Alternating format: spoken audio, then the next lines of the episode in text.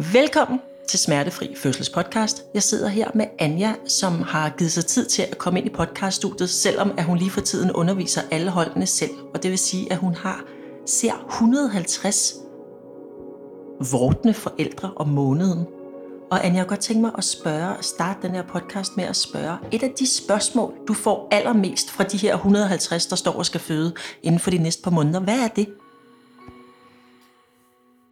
Det er øh, sjovt nok, selvom at øh, jeg jo formidler meget omkring smertehåndtering, så det spørgsmål, der rigtig typisk kommer, når vi laver sådan en, jeg laver altså sådan en, hvor skal du føde henne, og hvornår, øh, spørges, hvorfor er du her? Og så siger de, øh, men jeg er simpelthen så bange for at gå i panik. Altså ikke bange for smerten, men jeg er bange for at gå i panik. Og hvis jeg så spørger lidt dybere ind til det, hvad vil det sige? Altså, fordi man kan jo være bange for mange ting, og hvad er panik et udtryk for? Så har de meget svært ved sådan at ligesom sige, hvad, altså det der, det der panik, altså det er som om det er sådan en stor svoglpøl, man står og kigger ind i, som man egentlig ikke rigtig har behæftet nødvendigvis med noget specifikt. Og det kan være alt fra sådan noget med, når jeg vil ikke miste kontrollen, det bliver der tit sagt faktisk. Øhm, så panik er jo tæt knyttet til kontroltab, og der kan man godt have noget historik i ens liv, hvor man har oplevet, at der var nogle andre, der tog over, og derfor så gik man i panik, eller man ikke følte, at man selv var med, og der, det kan være mange øh, udsagn. Men det fik mig egentlig til at tænke på, øhm, at det ville være interessant for os lige at lave sådan en, hvad, hvad vil det egentlig sige under en fødsel? Altså meget konkret, hvordan føles det at gå i panik? Ja, og vel også, hvad gør man, hvis man gør det? Lige præcis, og det er jo selvfølgelig den anden store afdeling i den her podcast i dag. Så vi tager simpelthen en spørg Anja, hvor vi ikke har spurgt, som vi plejer at gøre ud på Instagram, men hvor at vi simpelthen tager Anjas hovedspørgsmål. Hvad gør jeg, hvis jeg går i panik? Mm. Mm.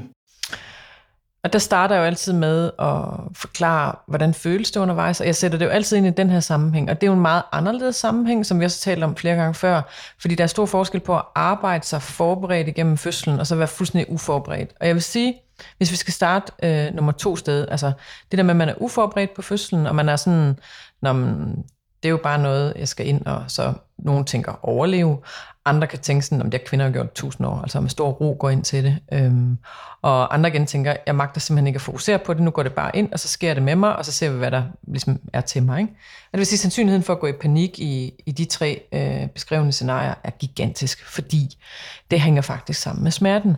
Smerten er potentielt så overvældende, smerten er potentielt så voldsom, og i det hele taget fødselsoplevelsen fysisk og sindsmæssigt så voldsom, at panikken den ligger lige for. Altså det er faktisk et meget konkret element ved en fødsel, ligesom vel som smerten er meget konkret. Så lige så vel som man kan tale om smertehåndtering, kan man også tale om panikhåndtering. Øhm, hvis vi sætter det ind i den sammenhæng, som jeg tænker er relevant for mange af dem, der lytter med her i dag, at man faktisk arbejder sig igennem fødslen.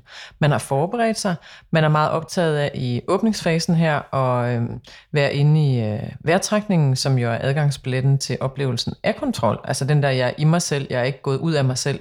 Det vil du altid kunne aflæse i et andet menneskes vejrtrækning. Og du er også meget optaget af afspændingen, altså hele det der fænomen, som vi arbejder med, med at reagere med afspænding på spænding, i stedet for at man bare spænder blindt med, når der kommer en V. Når du allerede har gang i de elementer, så står du på sådan en ekstrem stærk, øh, et ekstremt stærkt fundament af smertehåndtering. Ikke? Og sandsynligheden for, at du går i panik, den er stærkt reduceret, men det opstår stort set for os alle sammen alligevel, når vi rammer ind i den der øh, 7-8 cm. Det vil sige, det man også kalder for muren i maratonet. Det er der, hvor vi lige ved at være der. Det er der, hvor at man har sådan en følelse af øh, at stå ved skagen. Ikke? Der kommer et hav fra en side, der kommer et hav fra en anden side. Altså, du kan sagtens have åbningsvejr samtidig med, at du har pressevejr. Tingene blander sig. Mange jordmøder kalder også det her det mudrede område. Altså det er der, hvor det godt kan være sådan kviksandsagtigt. Ikke? Øh, og kviksand er faktisk et meget fint billede på det, fordi det er det, vi forbinder med panik. Altså det er, at man begynder at synke, man begynder at miste sig selv. Ikke? Og helt konkret i forhold til det der med, at vi arbejder med kæbeskulder hænder, og vi arbejder med labo-vejrtrækningen, så er det følelsen af for mange, det fungerer super derop til. Det har virkelig været sådan en oplevelse af, at jeg har kunnet ligge i et smertehåndteringsfelt, hvor det ikke løber afsted med mig, hvor jeg føler, at jeg kontrollerer smerten, i stedet for, at det er den anden vej rundt. Ikke? Men så alligevel, så kan der bo noget deroppe til os. Jeg vil sige, hvis man ikke er fødselsforberedt, så er det fuldstændig normalt at opleve dødsangst. Altså det stedet dødsangst deroppe. Øhm, når du er forberedt, så har du teknikkerne at arbejde med, men derfor kan du alligevel komme ind og få et whiff af det her, fordi det er så voldsomt at ligge der. Øhm, så det, som jeg arbejder øhm, med kursisterne med, øh, særligt på fjerde modul, og det er ikke fordi, det fylder vildt meget i undervisningen, men det er det der med at sige, når du går i panik, hvad har du så tænkt dig at gøre? I stedet for, at man er sådan noget, så kan du smertehåndtere, og så går det bare øh, glimrende. Ikke? Øhm, og det de... Jeg får bare lige lyst til at spørge. Ja. Når du, nu er du også, fordi du har talt med rigtig mange kvinder mm. øh, om, som har født. Hvordan føles panik? Altså, hvad er panik for en følelse? Og hvordan giver den sig fysisk udtryk i denne her situation? Ja, øh, panik har øh, som jeg hører det, typisk øh, to udtryk. Og jeg ved godt, der er rigtig meget forskning, og der er rigtig mange øh, ord i forskningen øh, for det også. Og det har jeg ikke sat mig grundigt ind i, for jeg er jo hele tiden optaget af det der øre, og hvad er det kvinderne siger. Men det, øh, som de siger, det er, enten så er det oplevelsen af, at man går i ekstrem kampflugt. Altså, du begynder at kæmpe mod øh, det smertesignal, der er, og derved så mister du dig selv, fordi du begynder at gå i panik. Du begynder også at miste din energi. Ikke? Det er den ene ting.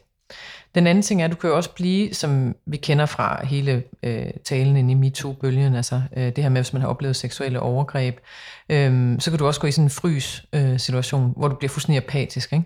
Øh, så det kan egentlig være begge lejre, man kan ende i. Ikke?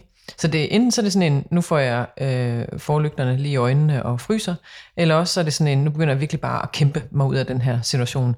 Og begge dele, kan man sige, er jo øh, under en fælles nævner et øh, gigantisk øh, kontroltab. Ikke?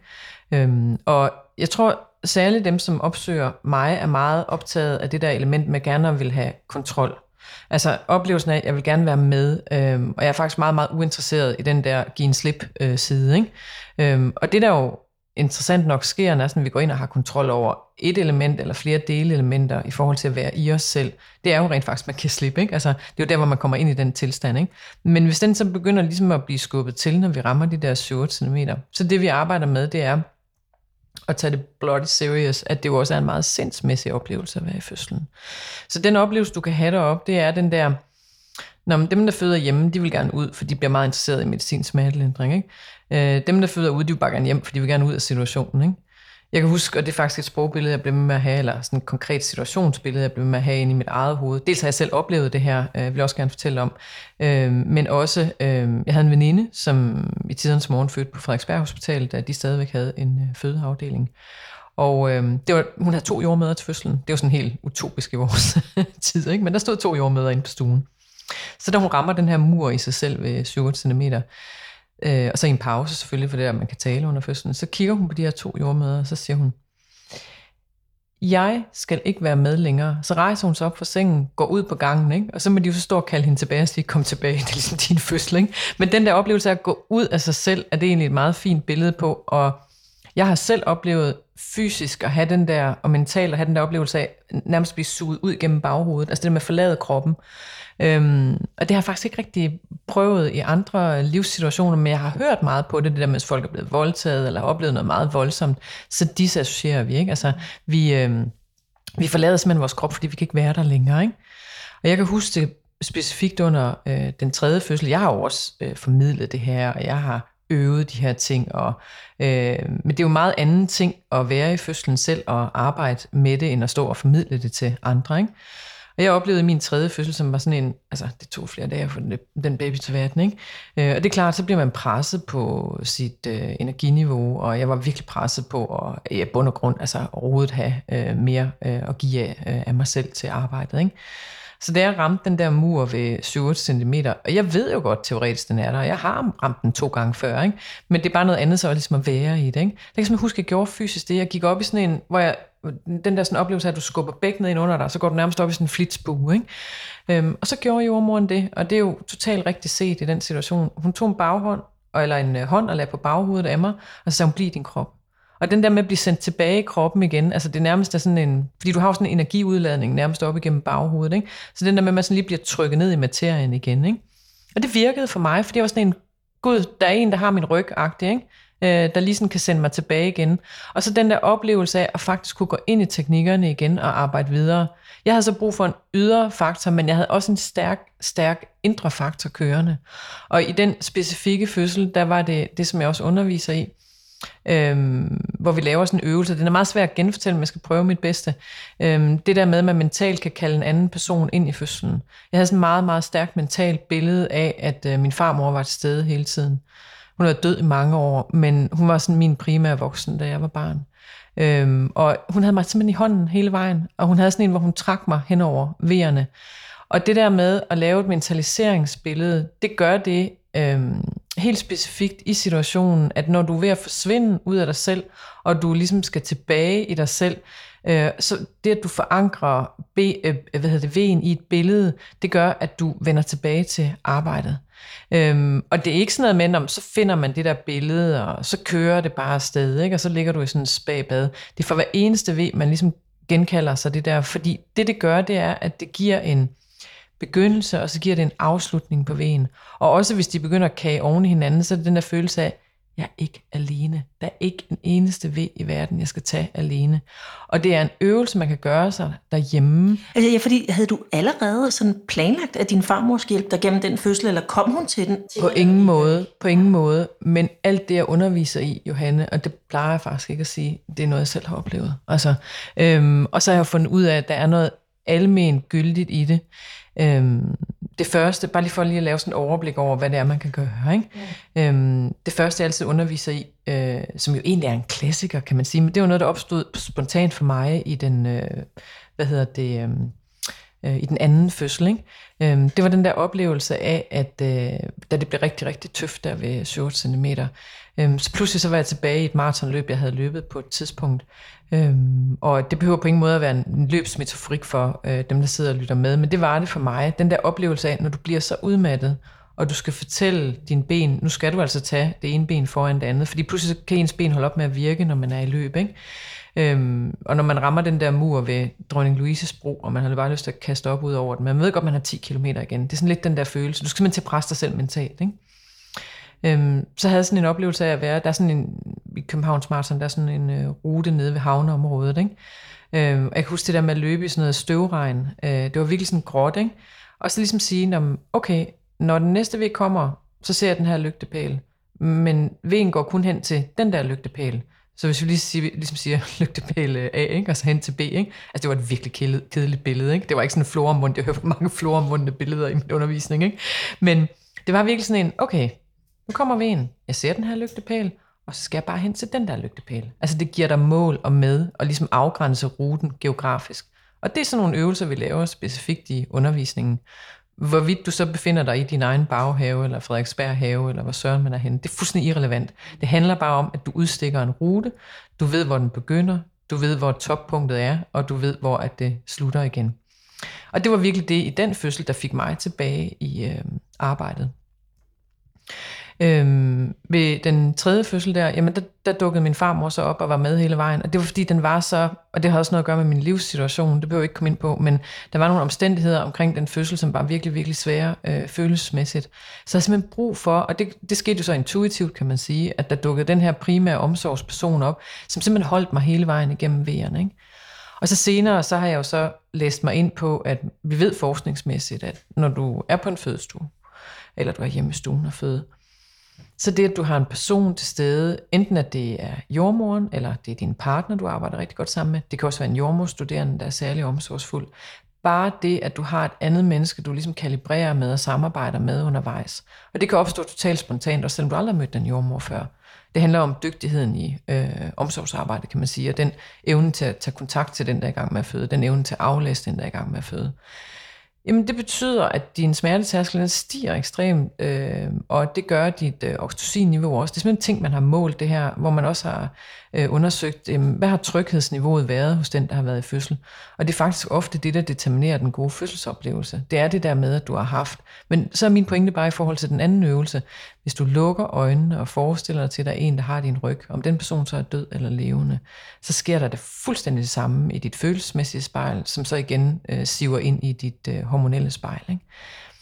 Men det du siger vel, selvom at de kommer intuitivt til dig, de her oplevelser, så er det vel i virkeligheden, at, at når man øver eller bruger vejrtrækning og sådan noget, så er det ikke dumt at få de billeder på allerede, vel?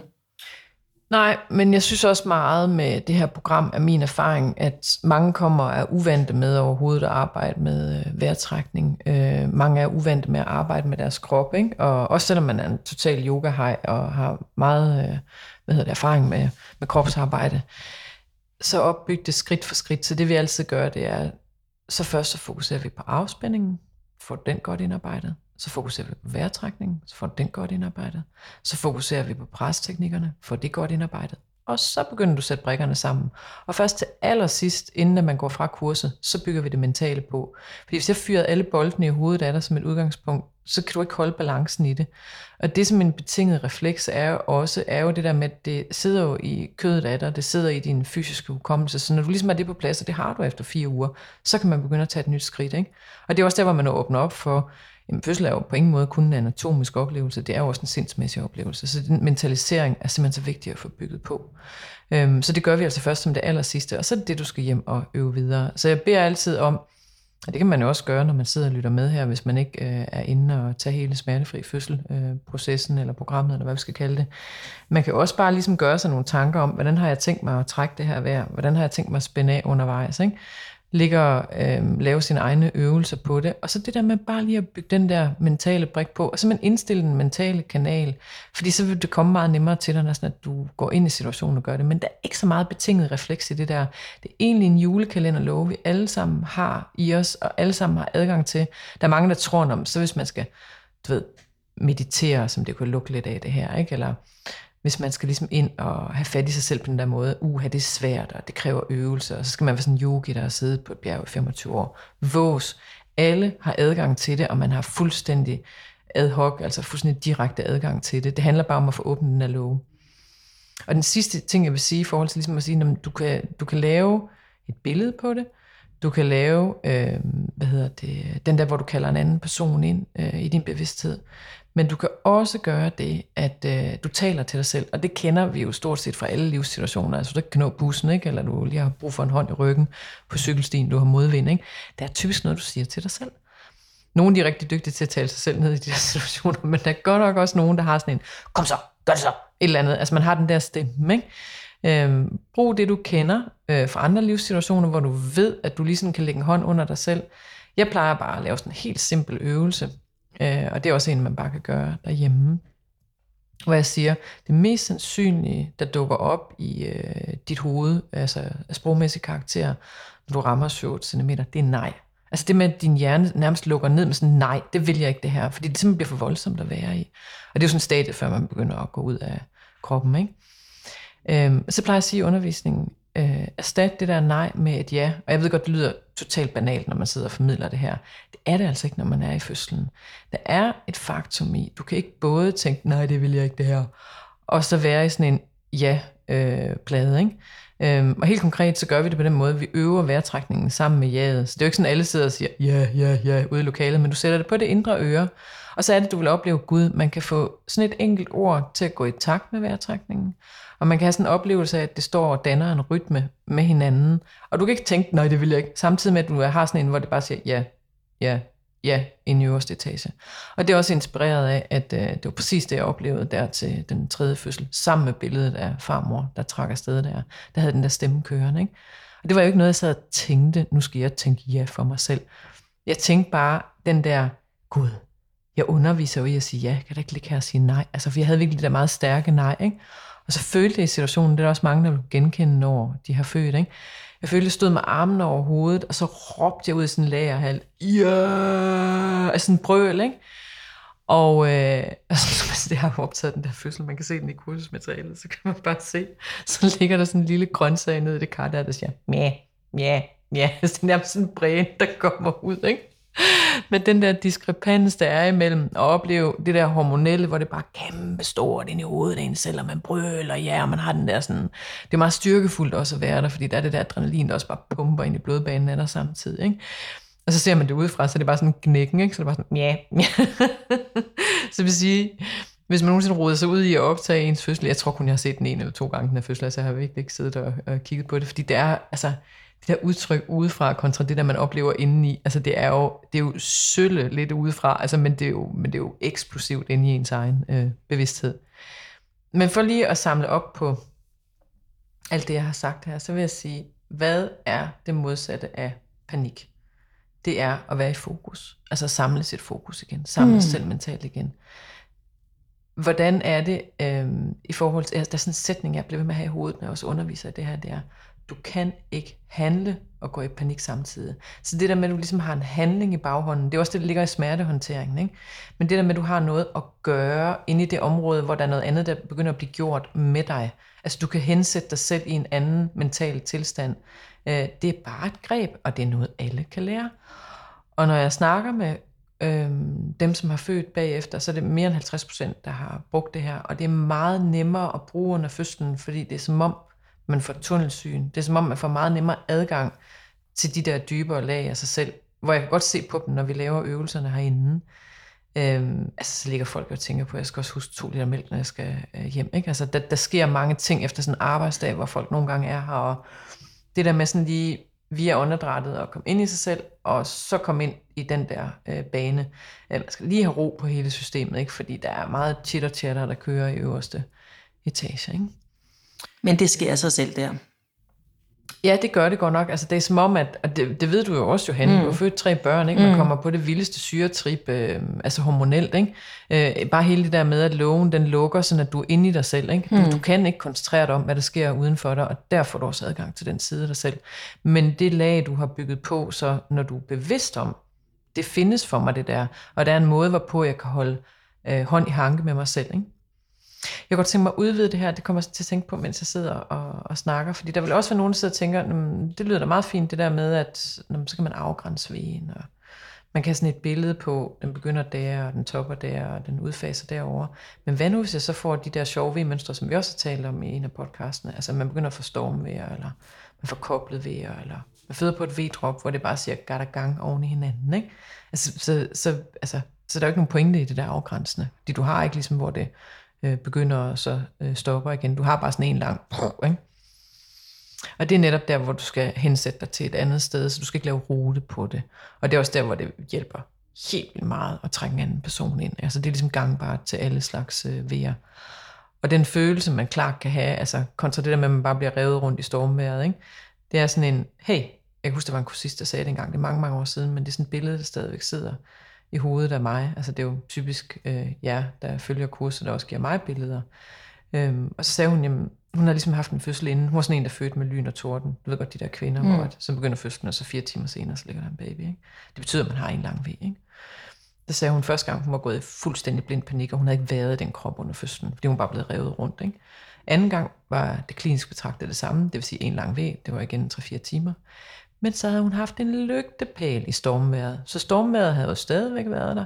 Men den der oplevelse af at have noget at gribe i og holde fast i og have et anker.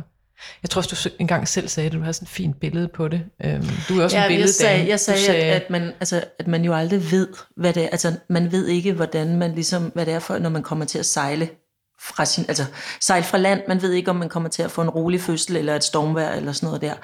Men man kan godt få en oplevelse af, at man øh, er kaptajn på den båd. Præcis. I en eller anden. Og altså, der er kaptajner, der går ned med deres skib. Ikke? Altså, der er også, ja. øh, altså det, ja. det er jo en del af det at være kaptajn. Ja. Altså, det er at være et sted, hvor man faktisk ikke kan styre det. Ja.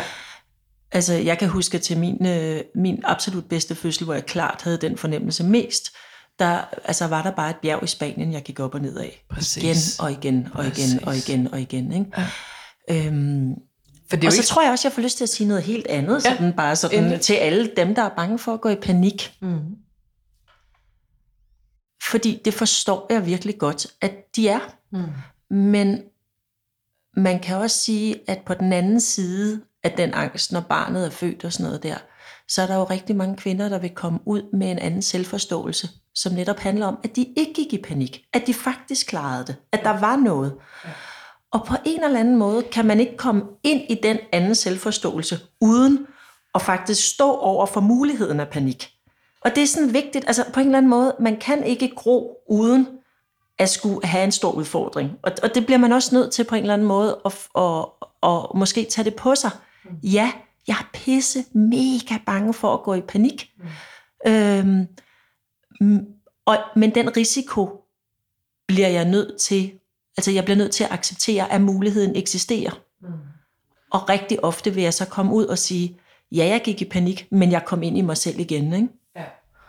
Og det er jo præcis det, der er, øh, man kan også sådan ligesom udvide det, du siger, og så sige, øh, ja, så gik jeg i panik, Øh, måske fik jeg hånden under mig selv igen, fordi jeg havde noget at arbejde med. Måske mistede jeg mig selv for en stund, og så fandt jeg tilbage igen, typisk når presværende kommer. Ikke?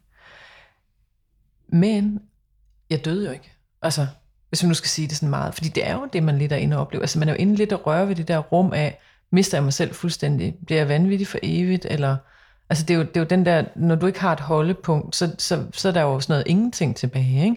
Og det er jo det der blinde, eller tomme, ingenting, vi er dybt angste for, som sådan et eller andet grund, grundeksistensrum på en eller anden måde. Ikke? Nu ved jeg godt, det bliver meget øh, flormund, det jeg siger, men jeg prøver bare ligesom at sige, hvad, hvad er det, der ligger øh, derinde. Men når man, det er jo lidt ligesom med angst, ikke? Altså, når du først har kigget angsten i øjnene, eller det du virkelig er bange for, ikke? og så fandt man ud af, at så døde jeg ikke, jamen, du bliver bare et stærkere menneske bagefter. Ikke? Og det er jo også det der, man kan jo nærmest få sådan noget, at man er uovervindelig efter en fødsel, fordi man tænker, hvis jeg kunne gå igennem det, hvad, hvad kan jeg så ikke også klare i mit liv? Altså fødsler for andre liv. Øhm. Ja, og læringen er der, ikke? Altså fordi, at efter tre fødsler, så ved jeg for eksempel en ting, jeg ikke vidste om mig selv. Altså simpelthen ikke vidste om mig selv. Og det er, at altså i modsætning til alle andre livets forhold, hvor jeg råber og skriger og er super dramatisk og super, øh, altså en hystade, så oplevede jeg faktisk i fødsel nummer to og tre, hvor jeg var forberedt, at jeg faktisk har en super sammenbit ro. Og det er en enorm rar viden, nu hvor jeg aldrig mere skal føde børn, at jeg ved godt, at i det øjeblik, at jeg bliver maksimalt udfordret, der ligger jeg faktisk dramaet på hylden. Det, det, det er jeg bare. Altså det, det, er sådan, det er en egenskab ved mig selv, jeg er stolt af. Og jeg havde ikke kunne møde den, uden at føde. Og det er sådan, ja. Det synes jeg er fantastisk. Der var også, vi spurgte jo også, øh, fordi den, den seneste podcast, nu ved jeg godt, den kan komme i en anden rækkefølge, men den vi lavede med Tone Dandanel, som jeg virkelig ville tale op øh, i forhold til at lytte med. Øh, hvad var det titlen øh, på den er? Excuse me, I'm pregnant. Excuse me, I'm pregnant, ja det var jo, det ændrede jo hendes livssyn. Altså, og der spurgte jeg ud på Instagram efterfølgende, fordi det er jo altid rart, at man kan følge op og sige, har, har din fødsel eller din fødsel ændret dit livssyn, eller hvad har det ændret hos dig? Ikke? Og det, det svar, der kom mest tilbage, jeg ved ikke, hvor meget du læste med i de der, øh, der kom efterfølgende, men det var jo det der med, at det har gjort verden større, det har gjort verden mere sårbar, men det har også gjort, gjort øh, øh, mig mere styrkefuld, var der mange, der sagde. Ikke? Altså, det er simpelthen givet en styrke. Og jeg tænker tit på det, det er jo lidt ligesom at tale med et menneske, Johanne, som er, det ved jeg ikke, nogen af 50, kontra at tale med et menneske, som er et meget ungt menneske. Ikke? Altså det er, jo, det er jo som om, det er sådan noget livserfaring, og det er sådan noget visdom, der bliver bygget på. Altså det er jo sådan, det er jo sådan en modenhedsting, man får skudt direkte i årene. Ikke? Du ser jo livets dybde, ikke? Det er jo ligesom, mennesker er jo også uinteressante, hvis de bare er lykkelige. Ikke? Og det er ikke, fordi jeg er noget mod lykke, men det der med mennesker, der virkelig har fået nogle slag af livets gang, ikke? Altså har fået en lussing på den ene side og blevet rettet op på den anden. Ikke? Altså, det er jo et menneske, der forstår, hvad du siger. Ikke? Hvis du siger et eller andet, der er sårbart, eller du siger noget, som... Og det, det tror jeg, det der med, at du har været inde og kigge panikken i øjnene, øhm, så har du også forstået noget om dig selv, og der udvider din verden, det gør den større, fordi du forstår også noget i andre mennesker. De sidder jo aldrig og underviser i det her, men det synes jeg bare er en vigtig pointe også i forhold til det, vi taler om. Det giver dig jo nogle menneskelige lag at have kigget ned i steder i dig selv, jeg tror også, Tone siger noget om det i forhold til det der med, øh, altså det, det traumatiserende, hun lidt havde ved første øh, ombæring, bliver helet i anden ombæring, fordi hun har været derinde og kigge. Nu kan jeg ikke huske, hvordan hun selv formulerer det, men det var sådan en pointe, jeg tog med fra hendes fortælling. Mm. Øhm, og det tror jeg, der er en, altså, det er der en, en, både en sandhed i, som mange vil kunne genkende, når de sidder og lytter med her, også selvom man måske ikke vil formulere det på den måde, men også til dem af der sidder og skal føde for første gang, og jeg tænker, hvad snakker de om dem der? Ikke? Jeg vil bare sige, der ligger også noget og venter på den anden side, men det er jo en livserfaring, som man ikke kan købe ned i brusen. Det er jo noget, man selv skal ind og leve. Ja, og som, altså, man får ikke livserfaring, hvis man ikke tør få sig en ny erfaring, og det er jo sådan, det er. Altså. Ja. Der er noget mod, og det var også noget af de svar, der kom allermest tilbage, og det synes jeg faktisk, vi skal afrunde med, mens klokken slår her meget bogstaveligt bag os der er jo noget mod, man kommer ind og samler op ind i den fødsel, som du kan bruge livet igennem. Og det synes jeg også ligger meget i det, du har sagt fra øh, dine fødselsoplevelser. Mm. Yeah. Og øh, det vil jeg bare sige tillykke med det. Altså, at man kan gå ind og samle den op. Øh, så det er ikke altid en tur i skoven, når man står i situationen, men der er en forskel på at have den der oplevelse at jeg har noget at arbejde med, og jeg ved, det kan ligge til mig. Når jeg går i panik, hvad har jeg tænkt mig at gøre? Det synes jeg faktisk er det spørgsmål, vi skal lade stå åbent her, som vi runder af.